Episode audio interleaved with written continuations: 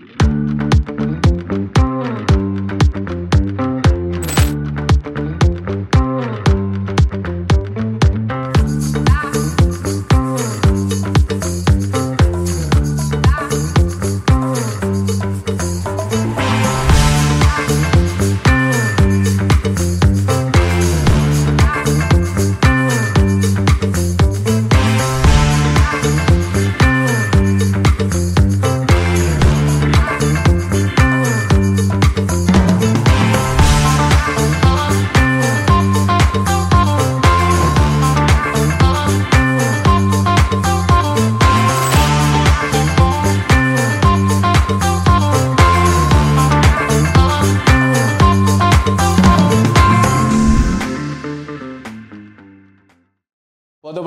buka, gue inget banget mobil masuk tuh ada lampu.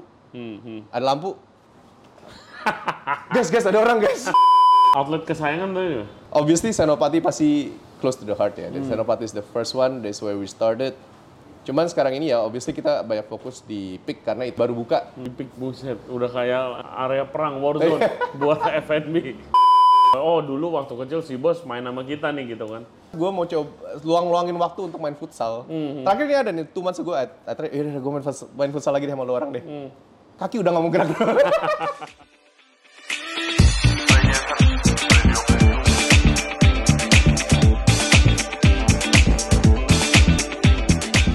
Hello everybody, welcome back to Ray Jensen Radio Podcast. Thank you very much for tuning into the show today.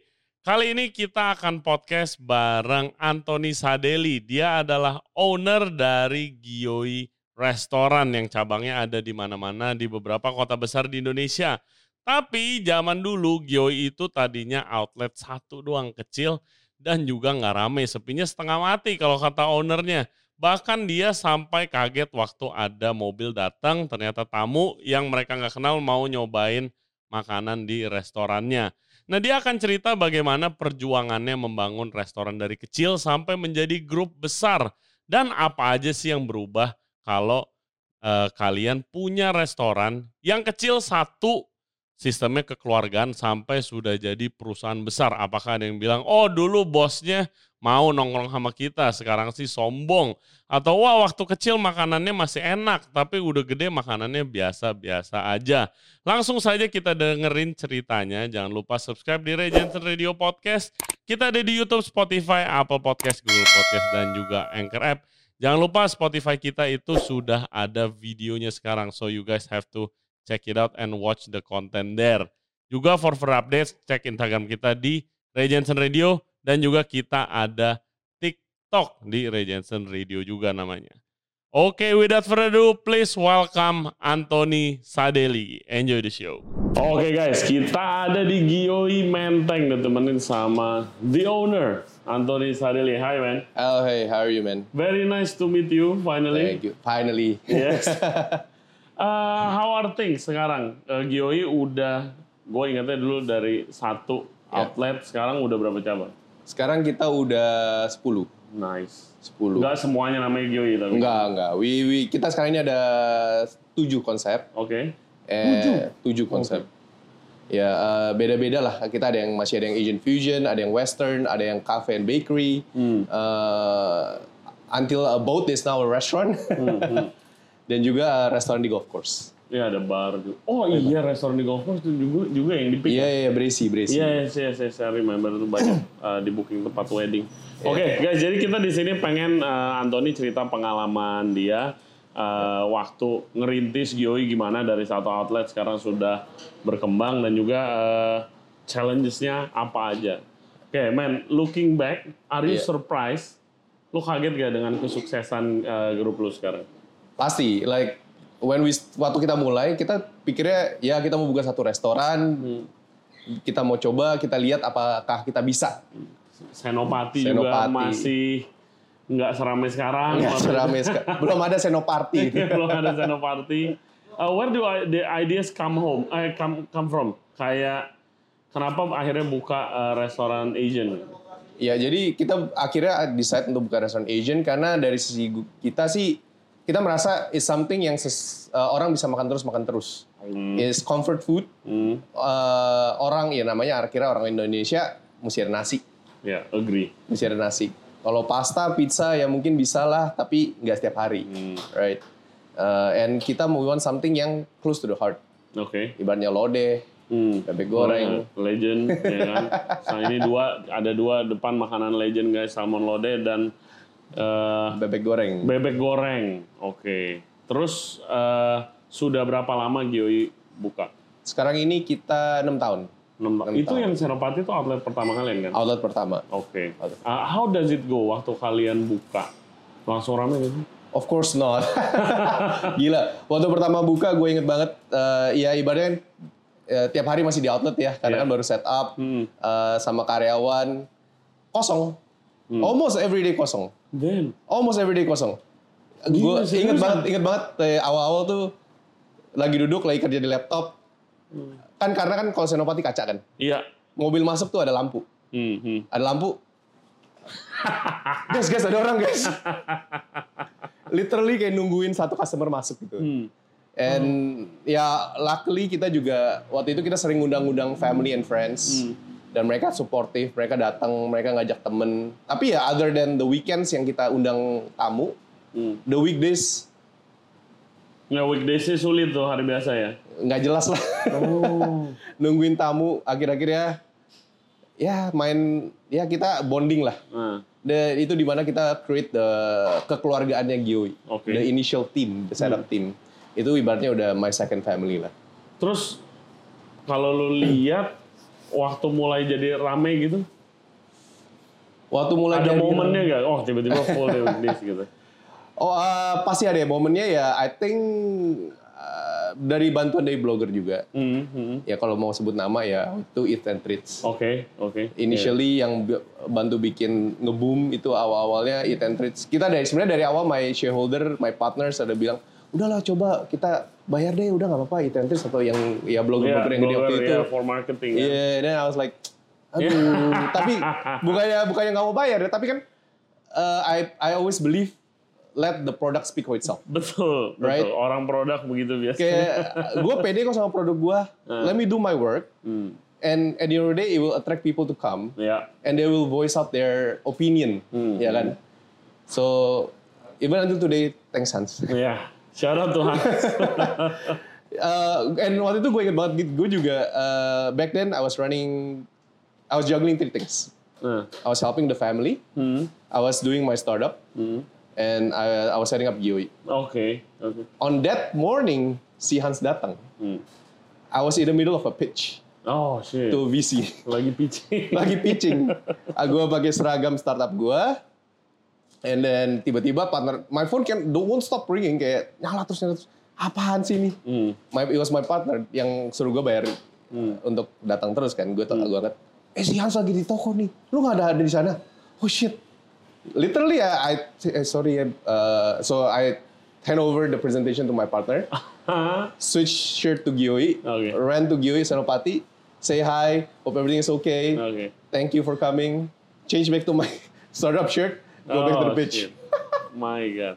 Iya tapi emang j- khususnya zaman sekarang kali ya dan apa sebagus apa produknya need to push gitu marketing sure, gitu kan. sure. Sekarang saingan udah banyak. Iya. Terus dari situ gue inget Gioi dari restoran terus mulai ada barnya di lantai dua Iya. terus habis itu grew. Yes. Right. Yes. Nah transisinya itu tell us about the transition deh Ton. Kayak dari outlet satu yang mungkin operasionalnya juga kekeluargaan gitu. Iya.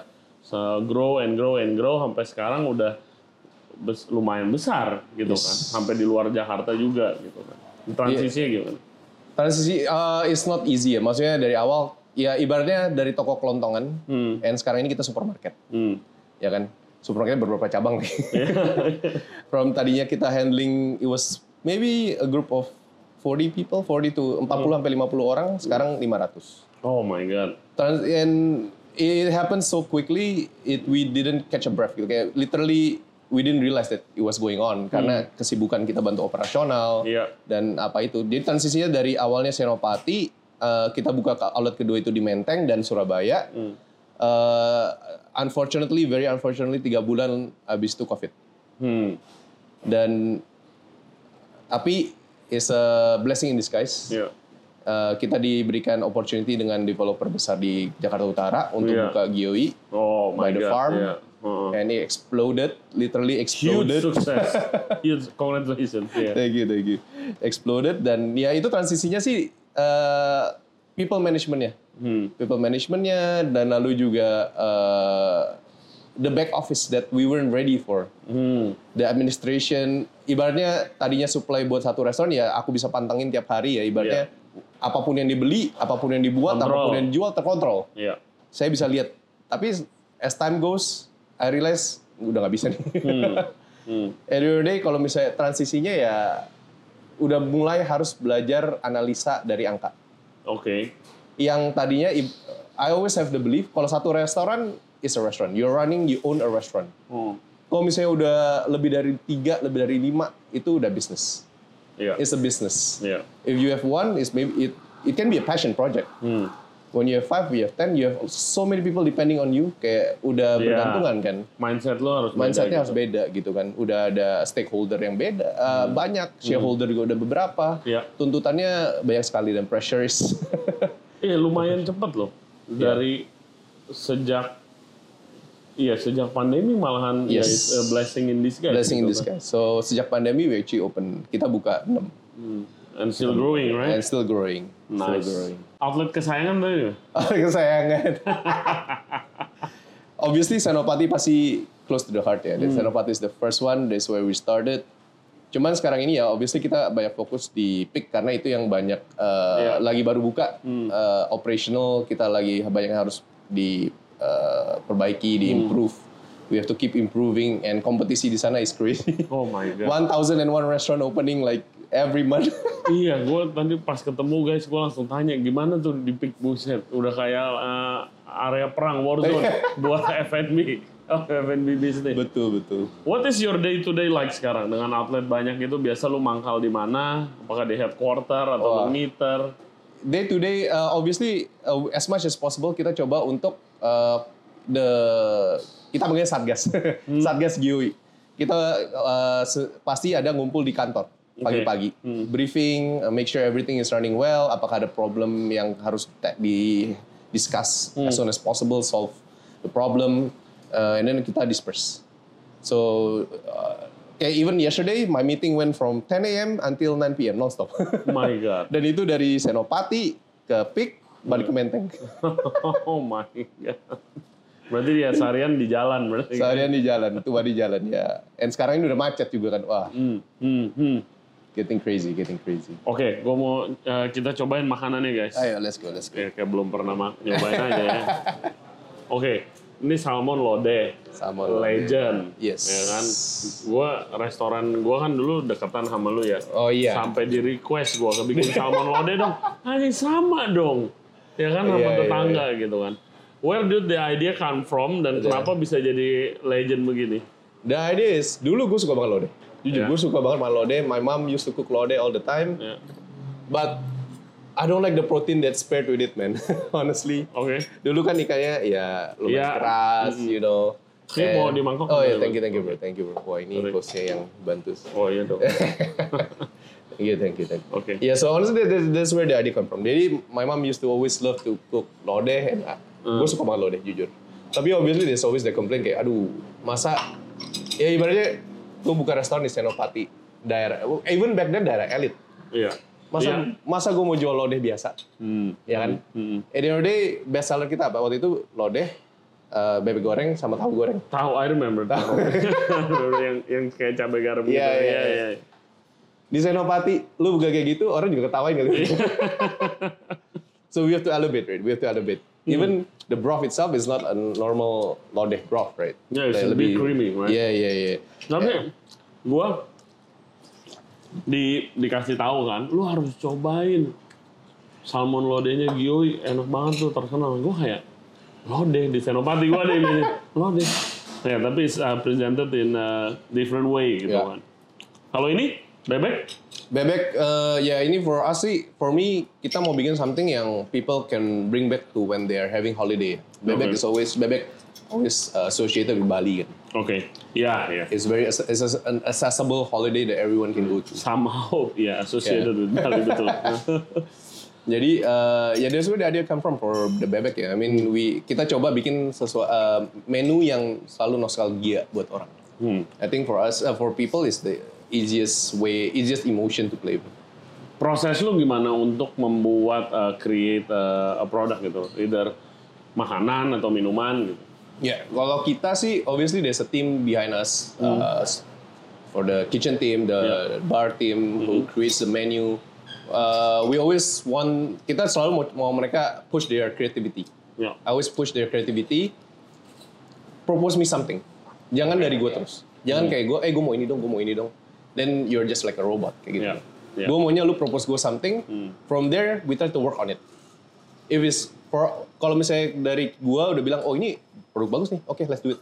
For for me, oh ini kurang. Ya obviously I need my team to accept criticism lah ya. Betul, kalau kasih input lah. Ya. kadang-kadang kan kalau ya namanya artis pasti ada egonya kan. Mhm. But ya karena kita udah instill dari kekeluargaan, we we can talk openly lah. Hmm. Kita straightforward. Oh ini kurang ini, ini kurang ini.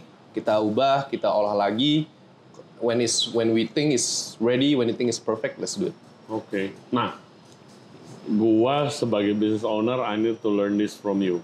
Gua mau nanya, gimana untuk bikin tim lu, core tim lu itu punya inisiatif yang kayak gitu. Oke, ini ada produk baru nih. Iya. Eh, Pak, ini ada minuman baru nih Pak. Eh, gua ada ide ini buat outlet gitu segala. Kan mereka yang di lapangan ya, Iya, gitu betul. kan. Lu with with kayak sekarang udah almost what 10 outlets, nggak mungkin semuanya lu tongkrongin tiap hari Iya. Betul, kan, betul. gitu kan. Nah itu gimana instill itu? Karena sebagai business owner kan kita perlu nih ide Ya. dari orang lapangan yang Betul. tahu gitu kan. Ya. How do you uh, instill that?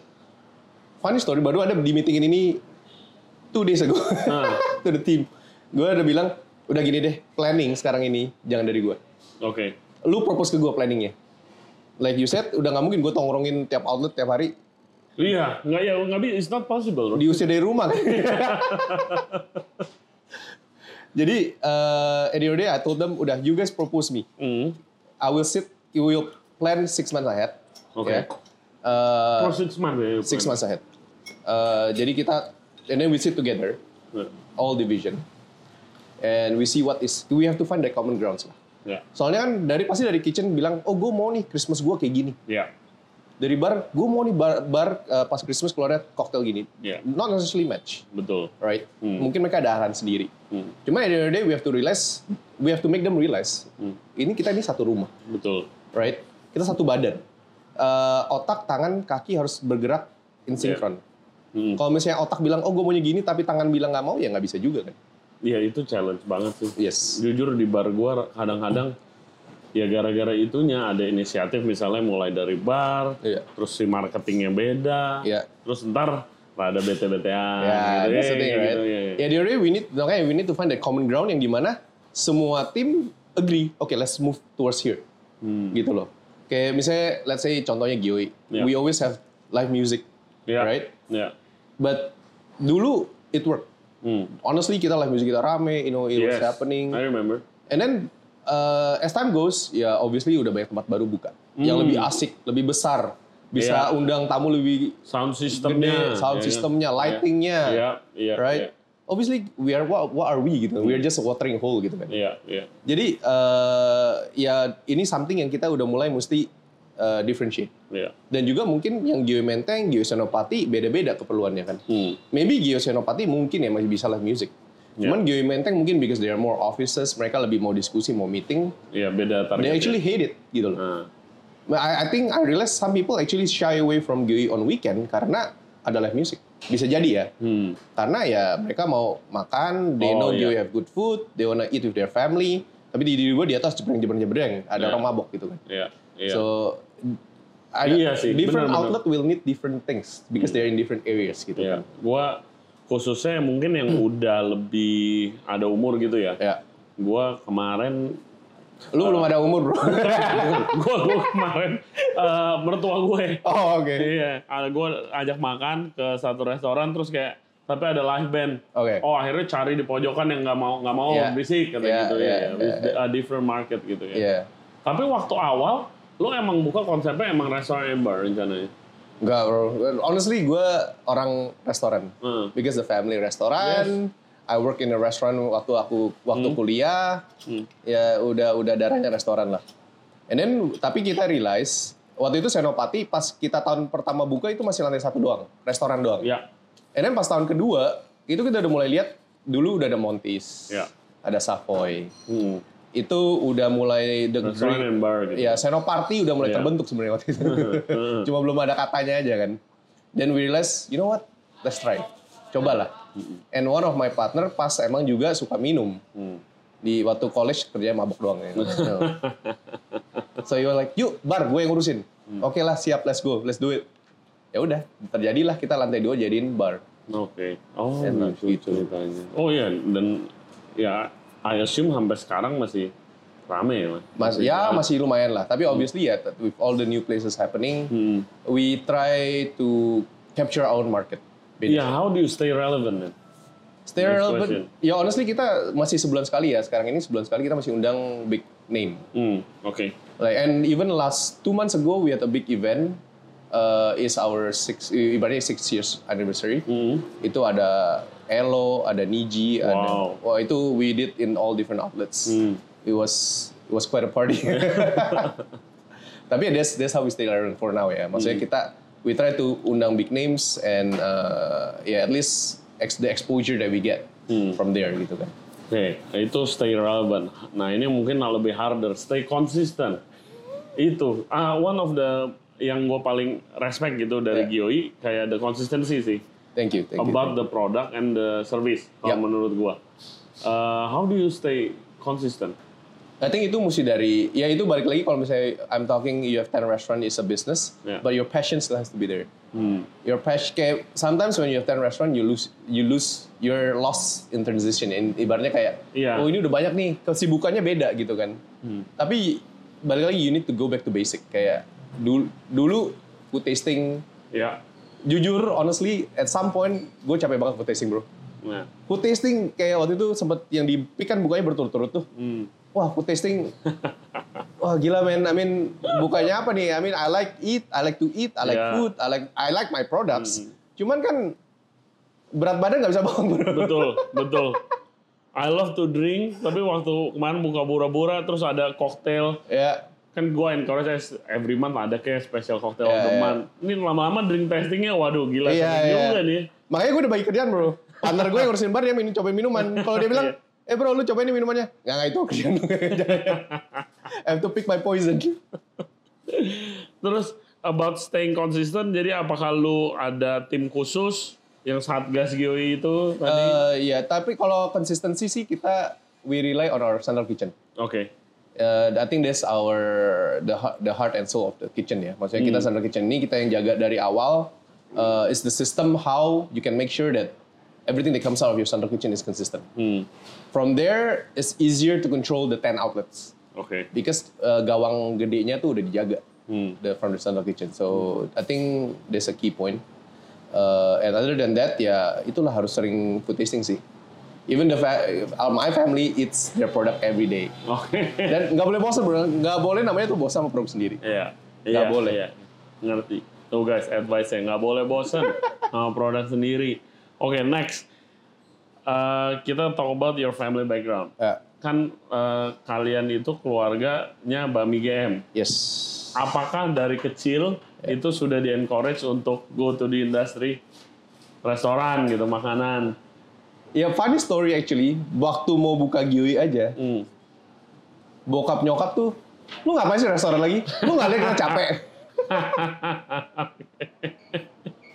Tapi dari kecil sih kita sering dibawa ke uh, central kitchen, Nah, ke pabrik, Iya. uh, ke kantor, hmm. ke outlet. Literally until now ya, ma om tante tuh, my parents masih ke outlet every weekend. Oke. Liburan mereka itu check out ngitar. Oh my god, sekarang ada berapa cabang Baminya? 60 sekarang. Oh, ini tadi udah 10, ini 60.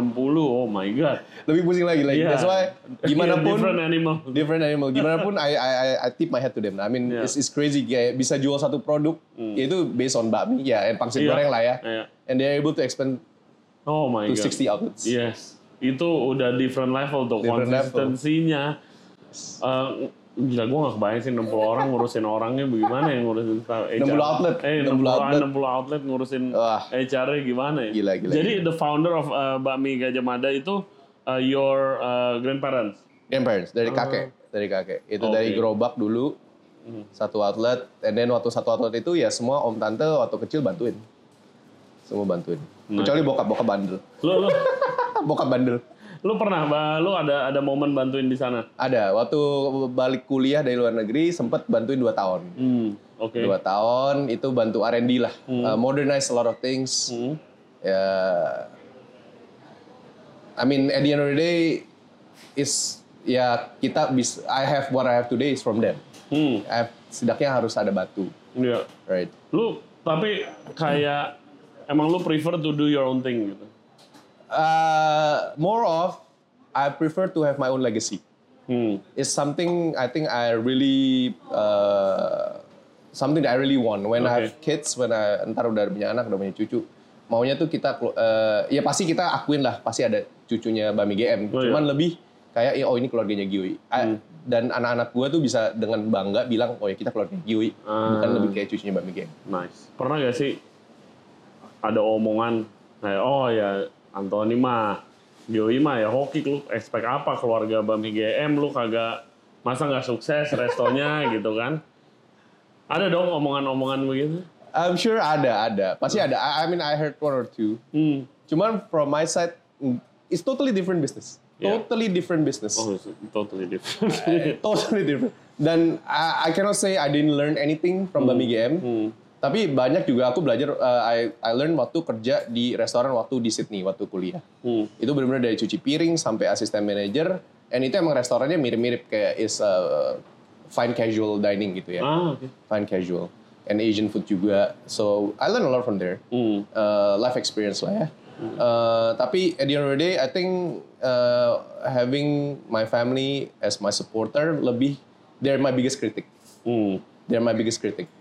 Oh, Uh, tough, tough to please tough, tough to please. Uh, when when we taste everything and we think it's okay, like, wah ini kurang ini ton, ini kurang ini ton, ini kurang ini ton. Hmm. Waduh, gimana ya? Tapi they- they- that's how they are. They're Yeah. perfectionist kayak even waktu bantu mereka R&D udah udah kasih cobain me and my cousin think kayak oh ini mesti udah oke nih. Hmm. Kita kasih coba beda ton. Hmm. Oh bedanya apa nih? Nggak tahu deh pokoknya beda deh terus pikirin. Kayak investor kalau lagi food testing. kalau misalnya uh, listener kita nih orang Ya. seperti gua sekarang, kita lagi bikin uh, grup mulai ke- dari kecil dulu satu outlet seperti Joey zaman dulu Ya. gitu. Uh, banyak lah pasti yang dengerin podcast ini. What's stopping them atau biggest challenge-nya apa kalau untuk mau jadi seperti Joey nih? Oke. Joey I think sistem ya, sistem satu. Hmm. uh, be ready karena uh, there are gonna be things yang lu pikir udah gampang nih. Ibaratnya satu restoran, Hmm. procurement gampang. Hmm. Itu benar-benar one on one with the supplier, right? Terus uh, managing orangnya gampang. You see them every day. Mereka ada salah, lu bisa langsung Hmm. Bilangin, tindakan, ya. tindakannya langsung gitu kan. Cost and consequences-nya gampang. As time, eh, kalau udah 10 outlet mah, you need the system. You need the proper uh, back office lah menurut aku. Hmm. I think uh, it's good. Awalnya pasti tough karena back office ini akan membengkak karena Outlet lu masih dikit. betul. belum punya cabang. Betul. Itu itu yang gua rasain sih. Pasti. Itu yang gua rasain. Cuman ya mau gimana lagi? Hmm. Ya you have to pick people who wanna fight with you. Iya. Obviously kalau misalnya grup masih kecil nggak mungkin tiba-tiba you hire someone yang udah di establish company. Oh, iya dong. We're talking maybe like uh, you pick someone from uh, big company like uh, top four brands in Indonesia Iya, lah ya. iya. They- they- mereka datang ke kita juga mereka bingung kayak soalnya masih berantakan semuanya gitu loh. Hmm. Uh, and obviously salary wise won't make sense. Iya. Itu akan membengkak. Hmm. So I think we need to find young people, younger people who were at least uh, belum selevel itu tapi you see the potential Iya, iya. and they have the fight to fight with you Hmm. and yeah you grow with them Hmm. right secara gaji kan kita bisa skemain. Like maybe the more outlets you have nanti tambah gaji lagi tambah gaji lagi. Hmm, you need to find something like that. Kayak nggak bisa yang tiba-tiba minta oh gue mau gaji 100 juta. Dia bilang mau gue jual berapa bangkok lodeh Iya, iya itu itu itu challenge gue sih. Gue kayak gue lihat kalau di Bura-Bura ya, gue kayak ini kalau misalnya kita outletnya dua, cost back office ini bisa dibagi gitu kan. Itu the biggest challenge-nya sih. Uh, with you, selain itu, what's the biggest challenge that you have in operating the group? I think ya for me sih to keep people motivated ya. Hmm. To keep people motivated. Where eh, I think it's important untuk uh, especially front of house ya. Gimana mereka tetap semangat untuk uh, to do the best for the company. Hmm. Kalau waktu awal-awal satu outlet Senopati, for me kuncinya kekeluargaan. For me, Hmm. uh, main futsal sama mereka, Ya, karaoke sama mereka, team building gitu ya. team building is informal kayak Iya. nggak harus yang kayak oh harus outing harus uh, ke mana Iya. nggak harus it's just they feel like you are with them gitu kan Hmm. awal-awal uh, honestly ya kayak waktu awal Senopati buka gue nginep gue nginep Hmm. udah berapa kali nginep di Senopati pas buka mah udah biasa Iya, I mean because of the work that we have to do gitu iya. cuman kalau misalnya udah kayak gini udah 10 outlet they probably think kayak eh, if they don't see you every day mereka pasti pikir kayak wah bos mah udah enak ya Wah si bos nggak kayak dulu lagi nih. Iya. Udah berubah nih gitu. udah berubah kayaknya santai doang nih Ah, Padahal they don't because you don't know, they don't know, they cannot see gitu kan. Iya. The, the work behind it, iya, iya. right? And for I think that's that's hard gitu. Oke. Tapi iya ya- sih, that's that's that's tough. Karena pasti ada lah. Oh dulu waktu kecil si bos main sama kita nih gitu kan. Iya, iya, Exactly. iya. Enggak guys, kerja. Outletnya 10. Tetap kerja. Even sometimes gue mau coba luang-luangin waktu untuk main futsal. Hmm. Terakhir ini ada nih, two months try, yaudah gue main, futsal- main futsal lagi deh sama lu orang deh. Hmm. Kaki udah gak mau gerak. Otak udah mikir, gue mau nendang nih bola. Gak, gak gerak kaki. Nice, nice. Okay, that's a, that's a really good uh, answer sih. Ya gitu. So, uh, what's next for you, man? Maksudnya ya obviously we are planning to open more. Uh, kita sekarang ini udah mulai explore out of Jakarta. Ya kita emang udah dari Surabaya. Iya kan, Surabaya ada. Ya, sekarang ini kita lagi explore jujur uh, Semarang, Oke. Bali. Oh, Semarang, I heard lagi growing banget. ya? Yes, I think it is very surprising. I mean the F&B scene, uh, Hmm. honestly konsep-konsepnya mereka and the Iya, keren kan? branding ya Hmm. very strong, very solid, niat banget. Nah, rencana mau ke sana sekarang. Ada rencana. Bali? Bali juga kita rencana. Hmm. Uh, everything is the pipeline lah. A lot of things. too little times, too many things, bro. Well, Don, uh, gue terima kasih udah lu sediain waktunya. I know, busy day ahead, For sure. ya kan? Uh, terima kasih untuk cerita-cerita lu, pasti bisa menginspire uh, yang dengerin nih. And Hopefully, thanks hopefully. for letting us ngerecokin bentar di uh, opening Joy Menteng nih, opening time-nya. It's okay. So, Much success Thank for you. the You future too, you and too. projects. Ya, amin amin next ke depannya mungkin bisa collab atau apa. oh, for sure. Ya, amin. Always welcome. Always welcome. Uh, Uh, iya. Ntar kita lunch dulu bareng. yes. Uh, salam ke your family. for sure. Thank you. yes, and uh, tell them thank you to uh, Wilson and William. Yep. Uh, udah set up this podcast. Yes, for Yes. sure. Thank you for having me. It's an honor. Uh, yeah, sharing a little lah. Sharing. Yeah. I think Yeah. it's important for everyone. I mean, I kalau dulu lu udah ada podcast kayak gini, gue juga seneng kayak I can learn a lot from the podcast. Oh man, thank you, Gila. thank you so much, thank you so much. Sukses buat GI Group. ya. Sukses buat Ray juga. Oh, amin, amin. And guys, oke.